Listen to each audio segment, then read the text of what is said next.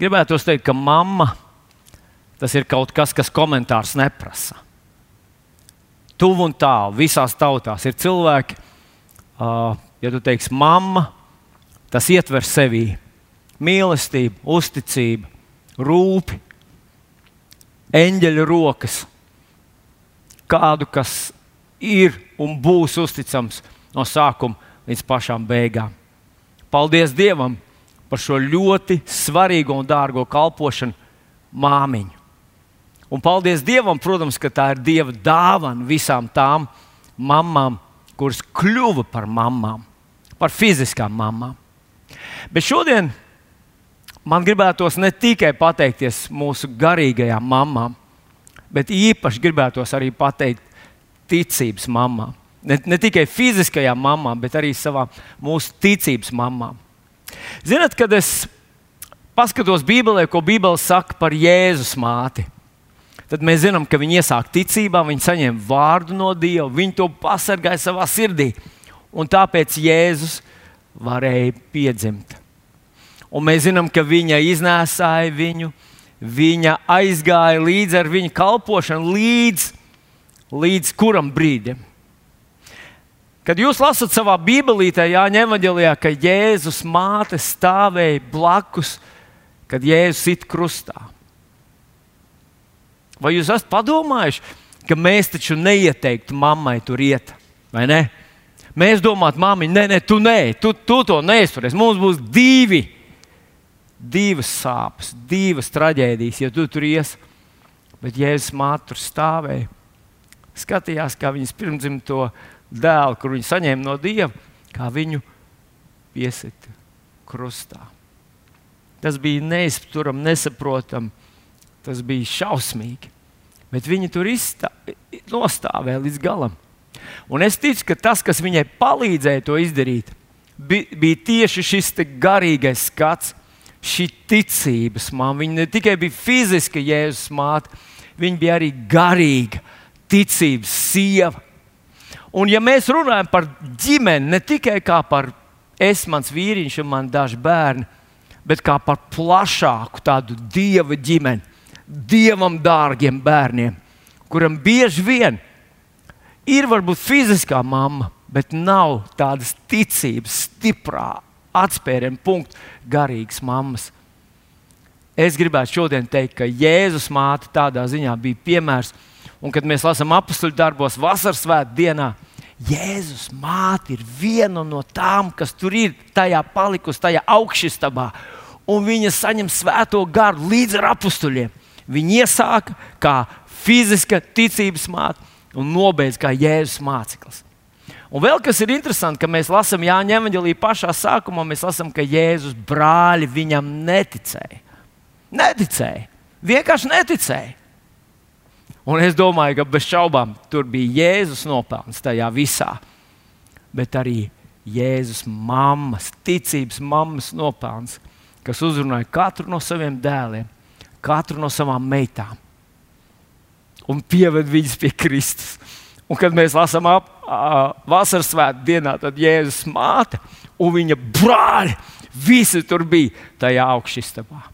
Un šodien es uh, draudzes vārdā varbūt gribu pateikt paldies visām fiziskām mamām, kas ir daļiņu savas dzīves devušas. Un mamma tas ir saistās ar prieku, ar kaut ko dārgu. Gan pārneskā, gan tiešā nozīmē, jo, jo katrai māmiņai bērns ir atdot daļu no sevis, daļu no savas dzīves kādam citam. Un bezgalīgi nopietna ir šī mātes misija. Tātad pieņemiet mūsu apsveikumus un īpaši, īpaši tās visas garīgās, stiprās ticības mammas, kurām varbūt pašām nav savs fiziskais bērniņš, bet jūs esat paplētuši savus sirdis lielas un esat ļāvuši Dievam ielikt kādu cilvēku jūsu, jūsu krūtīs, par kuru jūs rūpējaties, kuru mīlat, kuru atbalstat, ticat par kuru un varbūt arī lūdzat. Tas ir ļoti, ļoti vērtīgi, un tas ir priecīgi, dārgi un ļoti nopietni. Nu, Tāda valsts uh, gada lielākie svētki, māmiņa diena. Bet uh, vēl man ir jāuzrunā visi tie cilvēki, kas šajā laikā īpaši kaut kā jūtās mm, nu, slikti. Varbūt šī situācija apdraudēja tevi, tavu darba vietu, varbūt tevi kā, kā cilvēku, kā kristieti, varbūt tevi kā personību. Viss šī ārkārtas situācija, tie ierobežojumi un visas tās lietas, kas apkārt pasaulē šobrīd notiek, varbūt tevi ir ļoti sāpīgi apdraudējuši un situši, nospieduši tevi. Un tu gribētu, lai mēs pievienojamies tev, lai mēs lūdzam par tevi, iestājāmies par tavu situāciju. Varbūt fiziski uzliekam tev rokas un iestājāmies konkrēti par tevi, lai tavs risinājums, tava lieta ar Dievu palīdzību izkustās no tās sastinguma punkta tad, mīļais draugs, tev būtu jādod par sevi ziņa, tev būtu jāuzraksta mums. Vai jāpazvana darba dienā uz, uz biroja tālruni, vai tev būtu jāatsūta mums e-pasts, vai kā savādāk, vai Facebookā, bet kā savādāk būtu par sevi jādod ziņa. Un par cik mūsu valstī visa šī Covid-19 ārkārtas situācija iet uz beigām. Jēzus vārdā mēs ticam, ka palēnām vien visi šie ierobežojumi tiks noņemti. Un varbūt ne tik ātri, kā mums gribētos. Jūs zināt, ja man būtu kāds pajautājis, tas būtu savādāk šodien. Nu, diemžēl viņi paši domā, ka ir gudri tie, kas pieņem lēmumus, un mums nākas tos respektēt. Bet tā tad mēs ticam, ka šīs grūtākais laiks ir aiz muguras. Mēs svētījam savu zemes valdību, mēs svētījam savu zemi. Mēs ticam, ka visas tās pesimistiskās un smagās prognozes, kas ir tādas drūmas un saka, nu, tikai nesacerieties, um, viņas nepiepildīsies Jēzus vārdā. Jo mēs svētījam savu zemi, mēs esam saistījuši šo uzbrucēju, mēs esam saistījuši visas tās demoniskās varas, kas stāv aiz tā visa. Un Jēzus vārdā šis Covid-19 Latvijā ir neauglīgs, tas uh, mirst, tas žūst šī koka saknes ir nolādētas, un tas vienkārši mūsu acu priekšā izžūs un pazudīs. Kunga Jēzus vārdā. Tas ir mūsu skats, tas ir tas, ko mēs runājam, un tas, tas ko mēs apliecinām, pasludinām par savu zemi. Bet tā tad mums ir dots šī iespēja 25 cilvēku sastāvā, ievērojot divu metru uh, distanci, sanākt kopā. Un tāpēc mēs gribētu šādas grupiņas uzorganizēt. Mēs gribētu visus tos cilvēkus, kas, kas nu, pēc iespējas sagrupēt par tēmām. Un tad varbūt arī uh, saņemt vārdu tieši par to jūsu vajadzību, lai mēs kaut kā visi kopā pielietojot mūsu kopīgo ticību un uzticoties Kristus apsolījumiem, izlaustos no tās šaurās vietas un neļaut vēlnam mums nozagt to, ko viņš būtu gribējis nozagt. Vienkārši stāvēt vēlnam pretī, kā Jēkabs saka, padoties Dievam, stāvēt vēlnam pretī. Jo viņam ir tikai viens scenārijs, kas viņam ir jāizpild, un tas ir viņam ir jābēg. Ļoti pareizi. Nu, lūk, nu tā mēs esam nonākuši līdz uh, vārda daļai.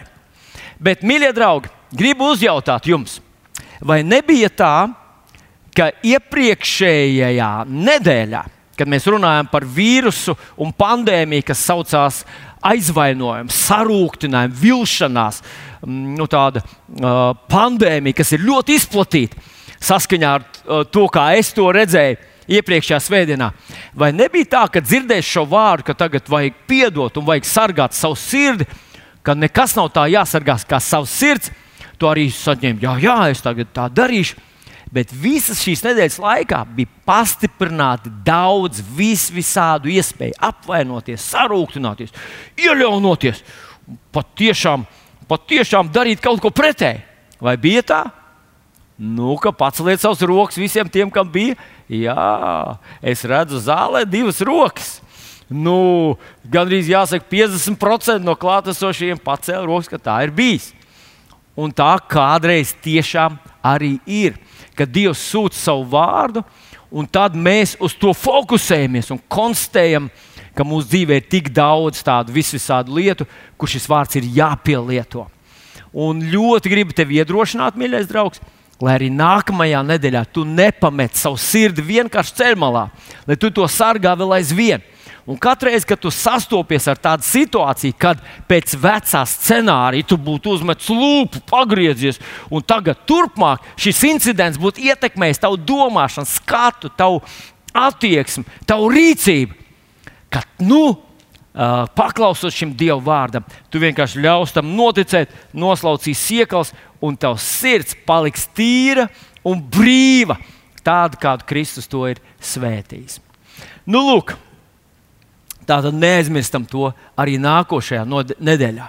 Bet māmiņas dienas tēma patiešām man palīdz šodien uzrunāt par ļoti svarīgu lietu, jo šodien mēs runāsim par kaut ko, kas ir priecīgs, priecīga, dārga un bezgala nopietna. Mēs runāsim šodien par mīlestību, un kā mēs sapratām, mātes mīlestība tāda ir. Tā ir priecīga, ļoti dārga mammai maksā, un mums tā ir ļoti dārga, bet tā ir bez gala nopietna. Lai mēs uh, redzētu šo raksturvietu, lai mēs uh, būtu tēmā, mums būtu jāuzšķir savā Bībelītē Jāņa Evanģelijas 21. nodaļa. Jāņem viņa līdz 21. nodaļai. Mēs lasīsim no 15. panta. Tas ir pēc Jēzus augšām celšanās. Viņš jau ir saticies ar saviem mācekļiem, un te viņam ir saruna, dialogs ar Pēteru. Bet līdz tam ļaujiet man mazliet, mazliet ilustrēt, kas ar Pēteru bija noticis pirms tam. Ar Pēteru bija noticis tāds nelāks atgadījums. Viņš, kā Kristus māceklis, bija vēlējies iet būt savam meistaram blakus, tad, kad viņš cietīs. Un tad, kad viņš tika ievests Hero, uh, piedodiet, Pilāta tajā pilī, tajā cietoksnī, apstults Jānis izkārtoja Pēterim iespēju tur ienākt iekšā. Un Pēters tagad ne aiz zinkāras, aiz milzīgas mīlestības, līdzjūtības, aiz tādām, ziniet, mācekļa. Uh, pienākuma apziņas, būt blakus savam kungam. Varbūt viņš tur varēs kaut ko ietekmēt. Varbūt viņš varēs izkārtot aizbēgšanu projām, kaut kā čiki briki tur pārgriezt. Pārgriezt tur tās važas un visu, un viņi ar kopā ar meistaru pārliks par sētu un aizmuks prom. Nu, es tā domāju. Es tā būtu domājis, vismaz savā sirdī, kaut kā es izglābšu savu meistaru. Viņš tā tur ir. Un tur vakars ir augsts Un visi tie kalpi sildās pie ugunskura. Un arī Pēters ar visu to, ka viņš jūt līdz savam kungam, viņš arī ir ļoti nosals. Un viņš pieiet pie tā ugunskura tur un mēģina tā vienkārši tā neuzkrītoši pasildīties. Un pēkšņi tur tajā pūlī, kur ārā pie ugunskura parasti nesēdē pilāts ar saviem, eh, ar saviem virsniekiem.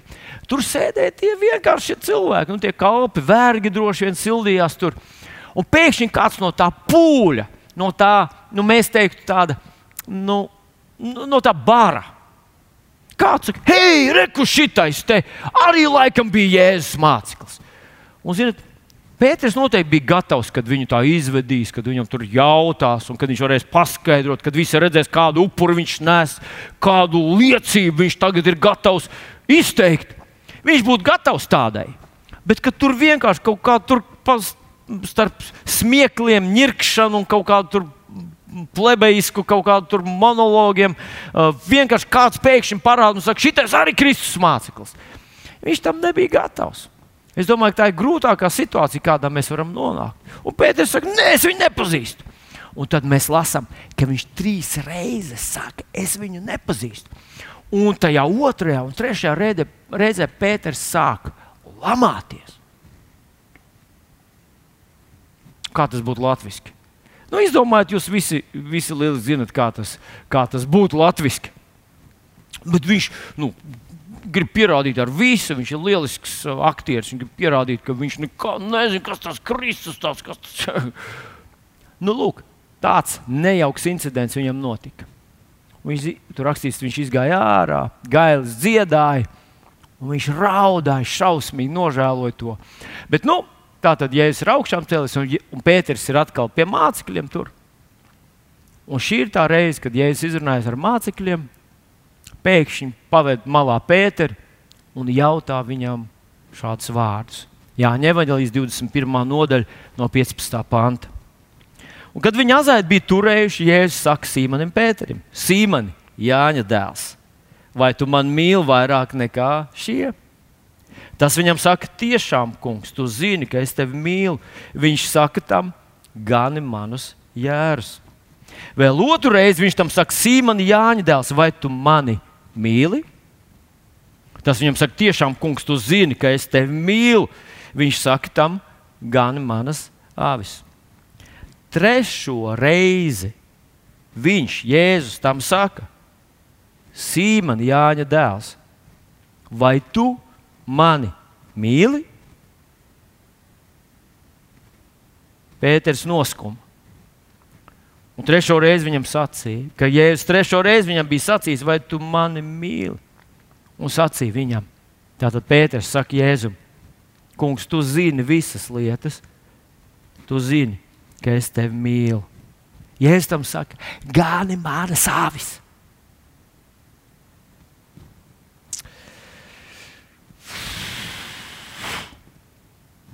Ziniet, manuprāt, ļoti neloģisku jautājumu uzdeva Jēzus šodien lielākā daļa mācītāju būtu uzdevuši Pēterim pavisam citu jautājumu.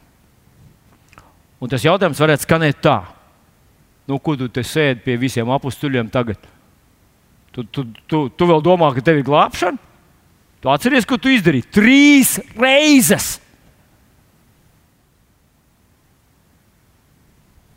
Vai varbūt kāds jautā, vai tu esi patiesi atgriezies? Tu to esi tā nūritīgi no sirds nožēlojis.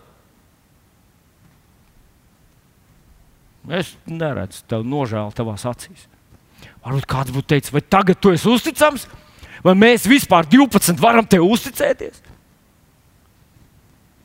Bet Jēzus viņam jautā, Pēter, vai tu mani mīli?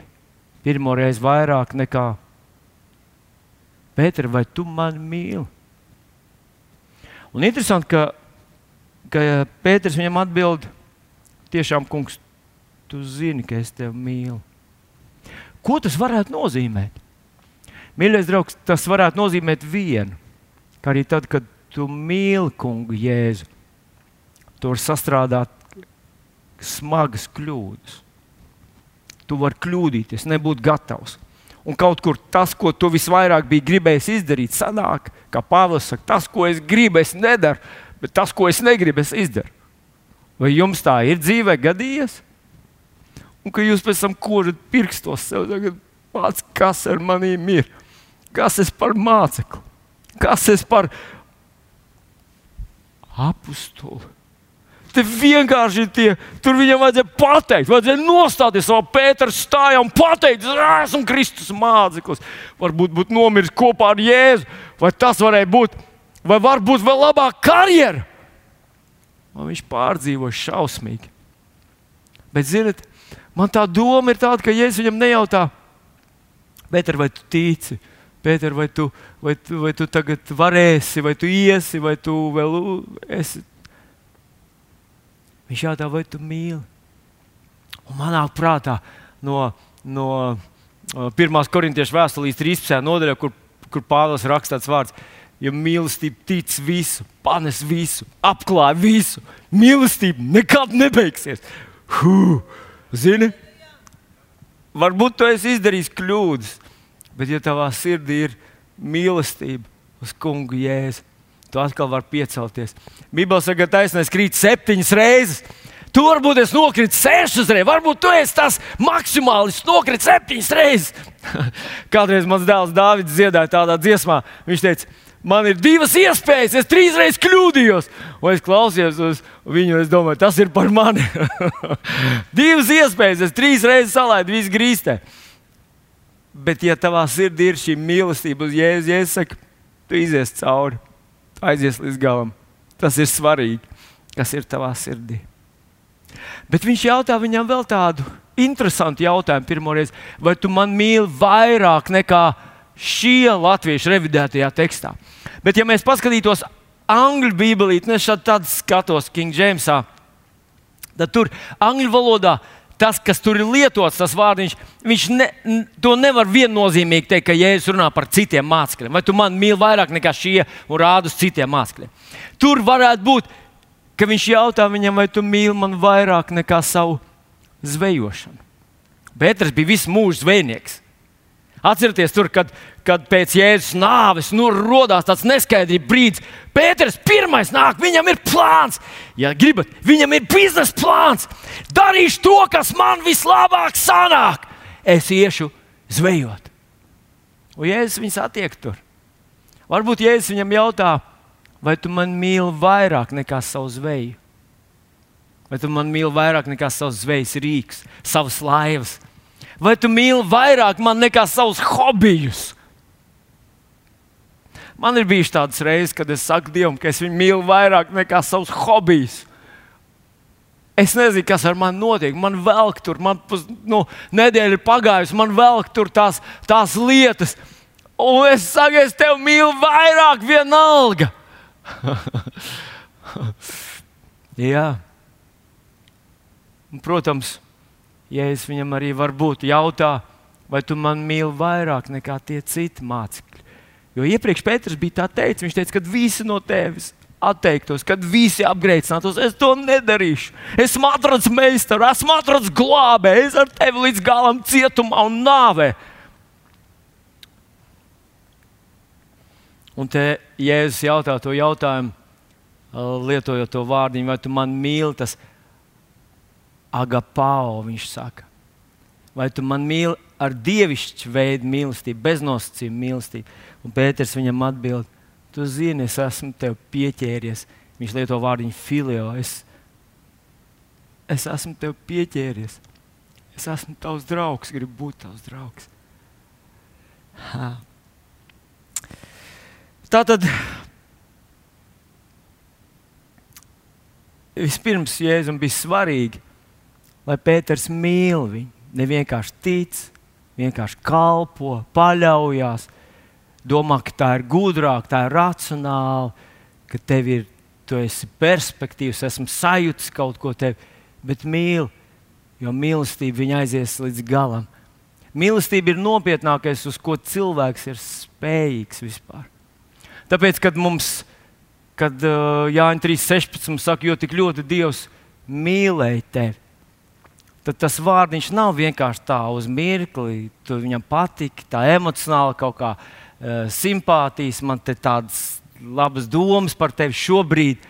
Mīlestība ir kaut kas, kas ir gandrīz vai neatgriezenisks.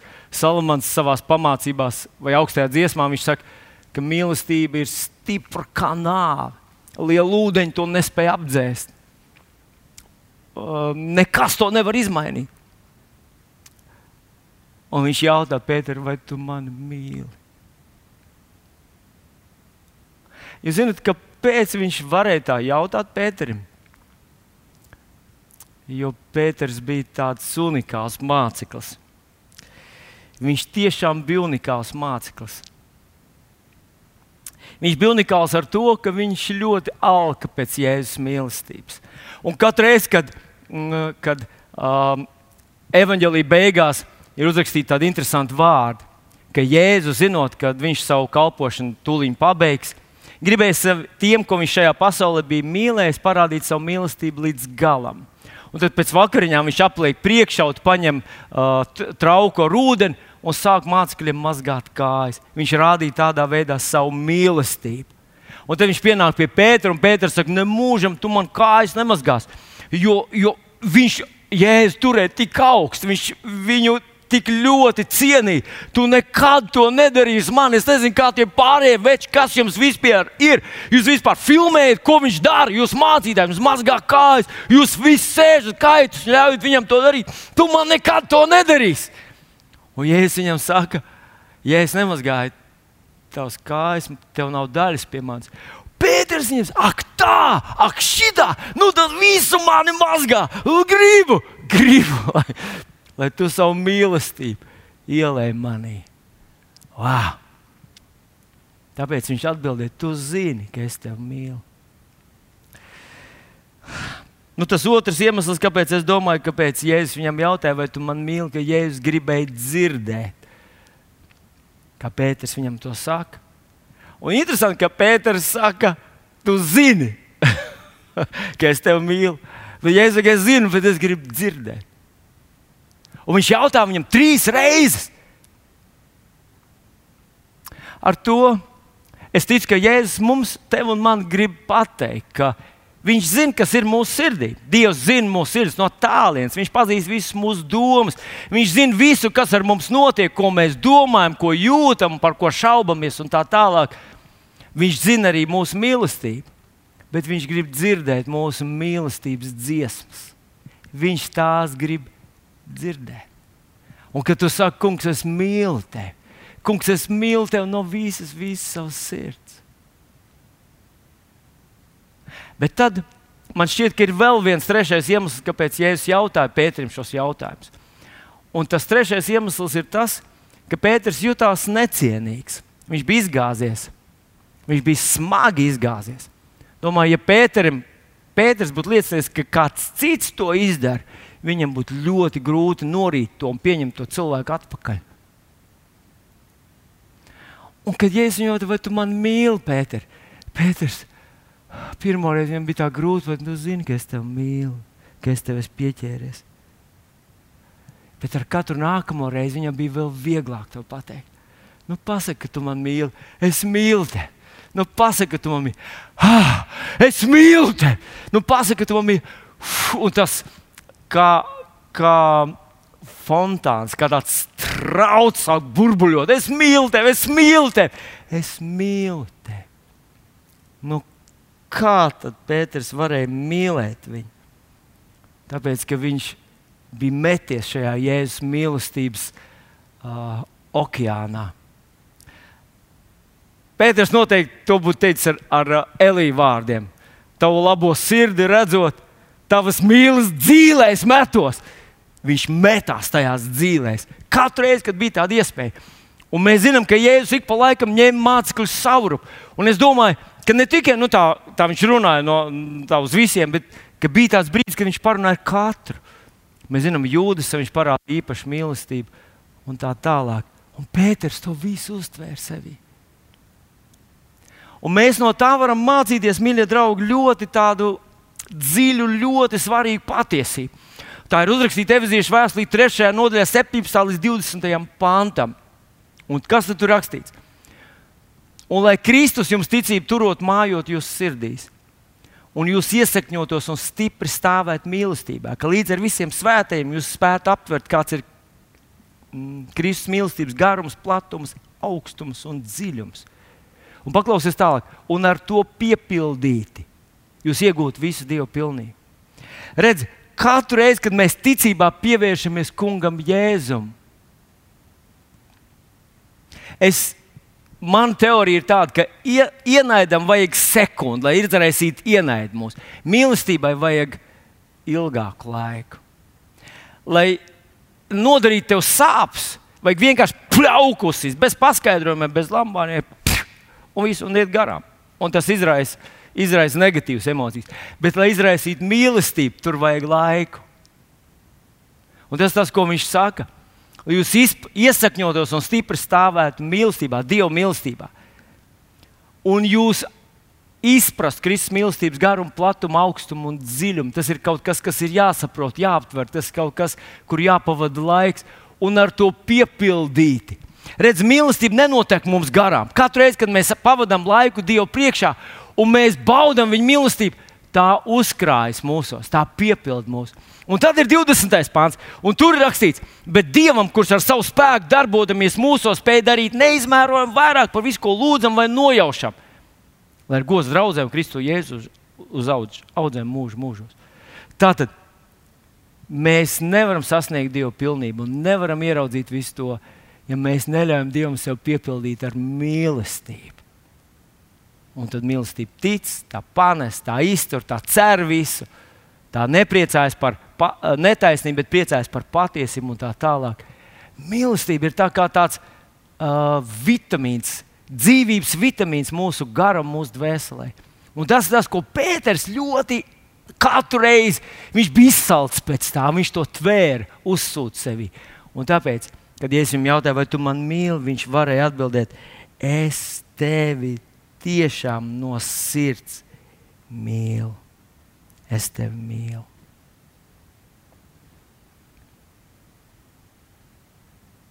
Visu šo pateicis, es visu šo nedēļu tomēr domāju, kungs, kā lai es zinu, kas tā mīlestība tāda ir?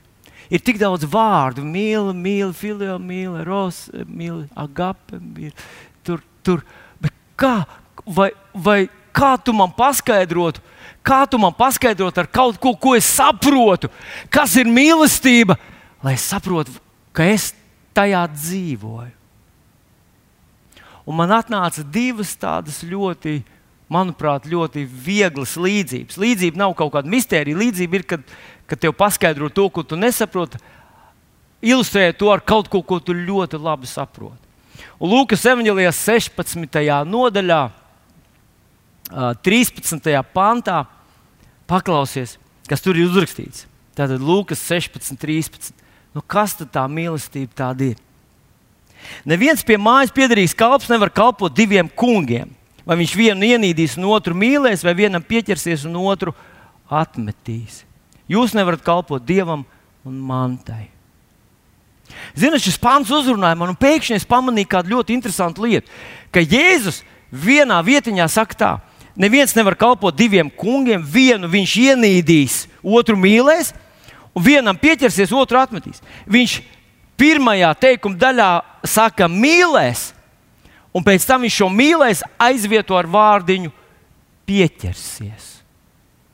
Viņš mīlēs un pieķersies. Un manā prātā no pirmās mūža grāmatas, pirmajām nodaļām, kur rakstīts par laulību, kur rakstīts tādu vārdu, un cilvēks atstās tēvu un mātu un pieķersies savai sievai. Tā tad viņš saka, mīlestību varētu ilustrēt ar kādu citu vārdu - pieķersies. Un viņš saka, vīrs pieķersies savai sievai. Un, zinat, tas ir kaut kas, par ko es kaut ko zinu, jo šodien mums ir 35 gadi laulībā. Bet vispilgtāk tas izpaudās pašā, pašā sākumā. Jūs zinat, bija viena meitene līga, kuras satiku tad, kad viņai bija 14 gadi. Vienkārši es viņu pirmo reizi ieraudzīju, tā bija mana drauga māsa. Un nu, tālāk es tā redzēju, tā likās viņa simpātiski. Tad mēs viņu satikāmies vēl kaut kad, vēl kaut kad, vēl kaut kad. Viņa bija mūsu draudzē, un mēs kaut kur kopā gājām ar jauniešiem. Tā tālāk. Un lēnām man uzmanība nofokusējās uz līgu. Es rādu tur, tāpēc, ka viņi tur sēž priekšā, pirmā rindā. Un, zinot, tā mēs nonācām līdz pat, līdz pat kāzām, līdz altāriem. Mēs katrs no savām mājām atbraucām uz baznīcu un nonācām tur mācītāju priekšā. Viņš mums uzdeva jautājumus, un es, es biju tik uztraucies, un man spieda kurp, ka es neko īsti neatceros, ko visi tur vēlēja. Dziedāja, cilvēku stundām dziedāja, skaitīja dzējas, kaut ko vēlēja, mācīja kaut ko. Tā, tā. Es vienkārši skatījos apkārt, tā kā, ziniet, televizors, kad ir ieslēgts, bet nav skaņas. Visi kaut ko runā, dara, tur visi kaut ko tur. Un man, es redzēju tikai vienu sēņu, es redzēju blakus līgu, un man spieda kurpe un, un es biju uztraucies. Un tagad, kad viņš man prasīja, es zināju, visu laiku pie sevis atkārto, jāsaka, jā, jā, jā, jā. jā. Un viņš kaut ko prasa, gāra, tur kaut kādu tādu garu monologu, tad pasakā ar dzirdamu, jā. Un es saku, jā, tas bija vieglākais eksāmenis manā dzīvē. Jā, to es nolicu eksāmenu. Bet paklausieties, kas notika pēc tam. Man dzīve dramatiski izmainījās. Ja pirms tam man bija sava dzīve, Man bija kaut kāda sava lēmuma, man bija sava gulta. Pēc tam, kad es pieķēros līgai, man vairs nebija savas dzīves. Man savas gultas nebija vairs. Man viss bija jādala ar līgu. Un ziniet, kas bija interesanti? Ka tad, kad mēs, mēs nu, apprecējāmies, īpaši mūsu laulības dzīves sākumā, Līga vēl mācījās. Es biju vienīgais, kas strādāja. Un es strādāju tur, man bija vakar mājas beidzās darbs 15 pār 11. Un citreiz pat tums, citreiz ar riteņu, ar riteņu braucu uz hospitālu ielas stūrī. Mēs kādu laiku pēdējos gados dzīvojam mm, Golgās Baptistu baznīcā. Ar rītdienu braucu vēl ūdens, bija sasaucis, atceros, drebēju, braucu mājās uh, nu, uz, uh, pie tā, pie kā es biju pieķēries. Lai gan manā mamma dzīvoja turpat pāri ielai, varēja uzkāpt augšā. Un tur man būtu bijusi sava vecā, mana paša gulta. Bet es biju pieķēries līgai.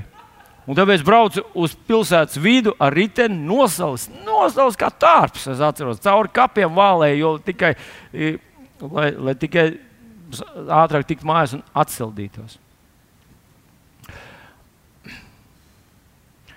Un tad, kad pienāca augsts diena, Ziniet, Līgai bija daudz labākas idejas par to, ko darīt ar naudu.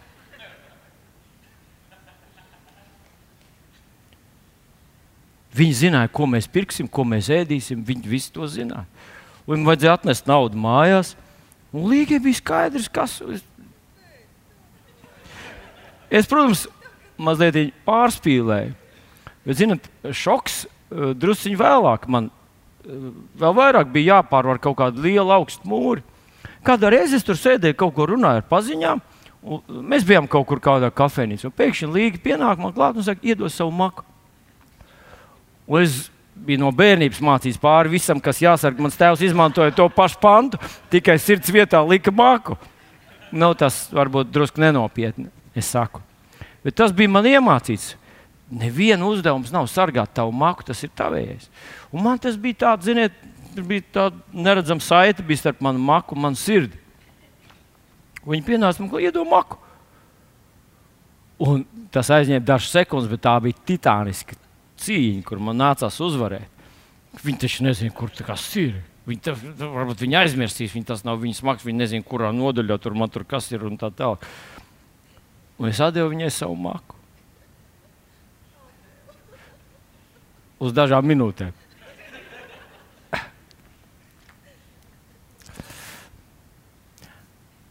Un tās tādas pieķeršanās gaišās puses, bet ziniet, bija kāda vēl, vēl viena interesanta reizīte.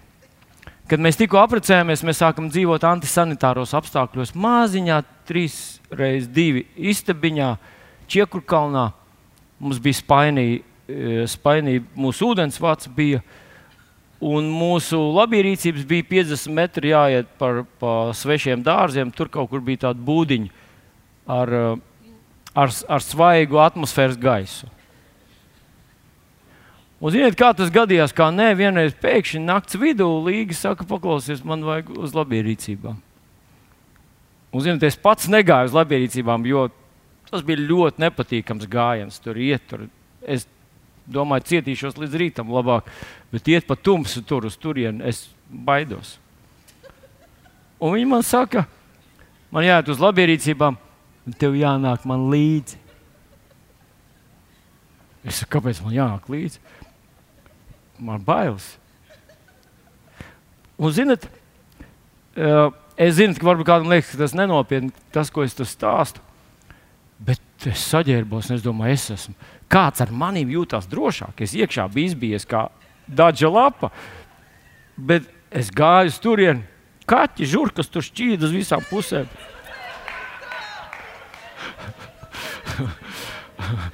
Mēs aizgājām tur, un es stāvēju tur ārā mēnesnīcā, ziniet, un, un jutos kā varonis.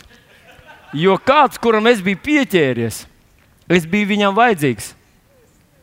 Tādā prozaiskā situācijā. Ko es ar to gribu teikt, mīļie draugi?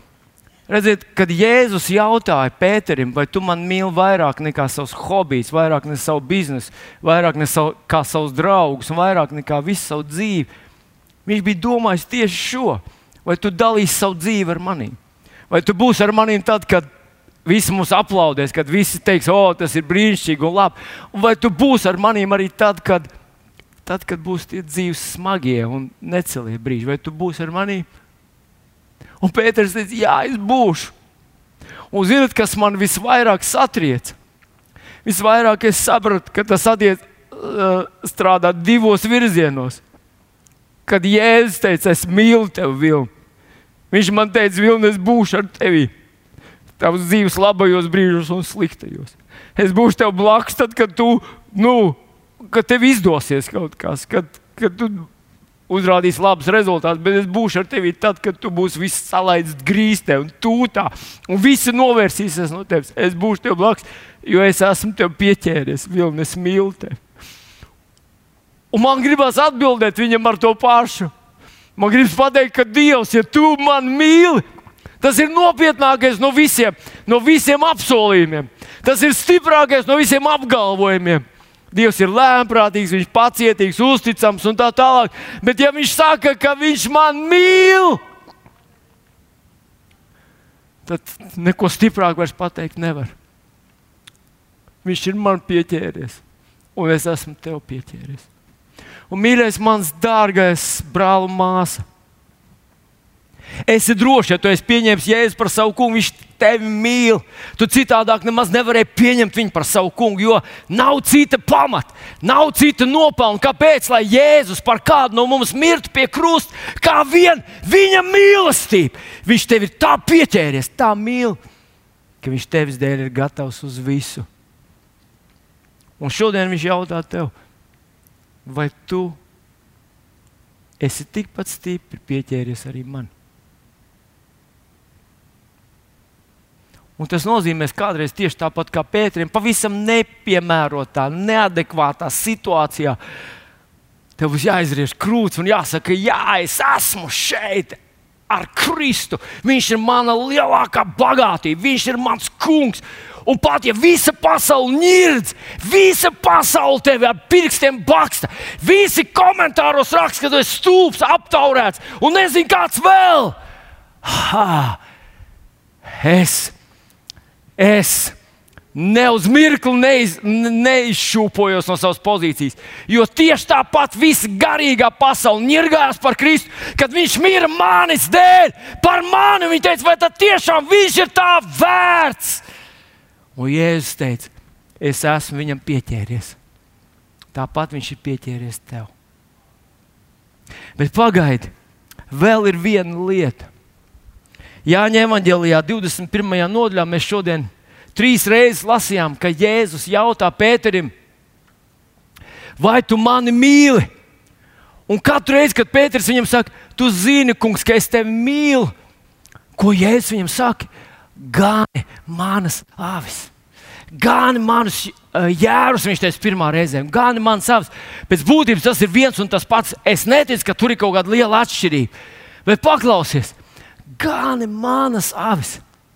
Es pie sevis domāju, nu, tas ir loģiski, ka mīlestība, mīlestība izlējās vai mīlestība pārto par kalpošanu. Nevis kalpošana atnes mīlestību, bet mīlestība atnes kalpošanu. Tā ir loģiska secība. Un viņš tikai saka, kalpo man, dari to, kas ir manā sirdī. Bet, zinot, man vēl aizvien visu šo nedēļu staigāja ar tādu domu, kungs, es īsti nesaprotu, ko tu saki, kas tas ir, ko tu centies pateikt trīs reizes pēc kārtas. Līdz šajā nedēļā es dzirdēju tādu ļoti satrauktu vēstu. Kāds jauns mūziķis, es nesaukšu viņa vārdu, 29 gadu vecumā, jauns un talantīgs mūziķis, atņēma sev dzīvību. Mēs jau ik pa laikam esam pieraduši Covid-19, paņēma tur to, paņēma Covid-19. Mums tāds maģisks vārds, kuram nu, visiem saprotams, ka Covid-19 cilvēks aizgāja mūžībā. Bet šeit nebija ne Covid-19, ne nekādas citas. Jauns puisis atņēma savu dzīvību, izdarīja pašnāvību. Un es nesaukšu viņu vārdu, nesaukšu viņu mammas vārdu. Bet, ziniet, es lasīju tās mammas vārdus un es jums viņus izlasīšu. Paklausieties! No mums ir paņemts viss. Nekas vairs nav palicis, vien pilnīgi iztukšots skatiens nākotnē. Viņa lieto viņa vārdu. Viņš bija ļoti labs cilvēks. Viņš bija sirsnīgs, pārlieku dāsns. Laikam viņa jūtīgums bija tas, kas viņu salauza. Mēs viņu nenosargājām. Un tagad mums ar to jāsadzīvo. Un tad paklausies, ko viņi saka visiem. Mīļie vecāki, sargiet savus bērnus no jaunā, ļaunā. Esiet atsīgi, uzstājīgi, ja nepieciešams. Metiet to toleranci pie malas, lieku reizi pārliecināties, pārliecinieties, ka ļaunais jūs neaptina pirkstu. Tas uzglūna un gaida mirkli, kad jūsu mīļie būs nepasargāti, lai pavedinoši ieripotu, iedūmotu, ielītu un beigās pārņemtu visu. Kad es lasīju šos vārdus, es vispirms sa mazliet varu saprast mātes sirds sāpes. Bet pēkšņi man likās, ka Es sajūtu kaut ko, ka Dieva sirds saka tādus vārdus. ka Dieva acīs katrs cilvēks, kurš aiziet pazušanā, ir izdarījis pats sev, atņēmis mūžību, pats sev atņēmis dzīvību. Un kad Dieva sirds saka šos vārdus, mīļie, mīļie, jūs, kas esat manas rokas un kājas šajā pasaulē, jūs, kas esat mana, mana mute, jūs esat tie, kas sludinat manu glābšanas vēstu maniem bērniem. Man viņi ir bezgalīgi dārgi. Es visu esmu izdarījis, lai viņi nāktu uz mājām, lai viņi baudītu dzīvi, lai viņi baudītu mūžības, mūžības, mūžības. Iedomājieties, tu iesauc, iesaucies mūžības koridoros, saki, halleluja! Un tas aizskan caur mūžībām, mūžībām, halleluja, halleluja! halleluja. Mēs nodzīvojam šeit 50, 60, 70, 80 gadiņus, un tas ir piliens salīdzinājumā ar vienu mūžību. Bet viņš runā par mūžīgiem laikmetiem, kurus mēs pavadīsim kopā ar savu glābēju un kungu. Un viņš visu izdarīs, lai visi tur būtu, lai visi viņa dēli un meitas tur būtu. Un tomēr šis jaunais, ļaunais, kā viņš te saka, ieripo, iedūmo, ielīst un pārņem visu, lai paņemtu visu.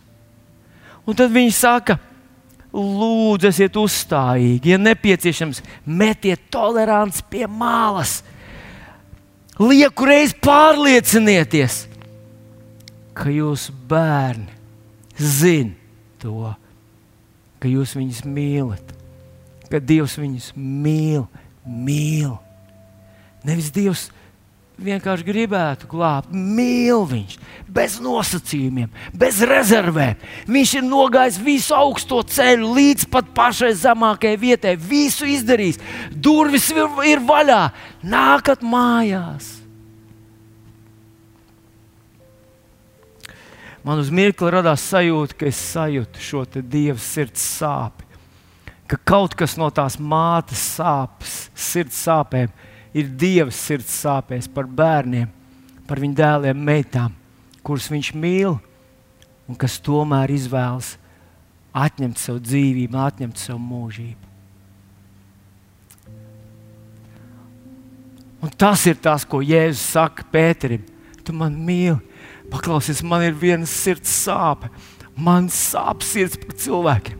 Parūpējies par manām avīm parūpēs par maniem jēriem, tev pa labi, pa kreisi, darbā, kur tu satiec to, jā, Jānis, tas daudz darbietis, kurš ir noraidošs. Lūdzu, met to toleranci pie malas, neaizvainojies, nesarūksnies, lūdzu, nepagriez viņam muguru, lūdzu, kamēr vēl ir kāda iespēja, lūdzu, cīnies, es negribu viņu pazaudēt, lūdzu. Man ir viena metode, kā es varu aizsniegt cilvēku šodien, ja tu viņus uzrunā.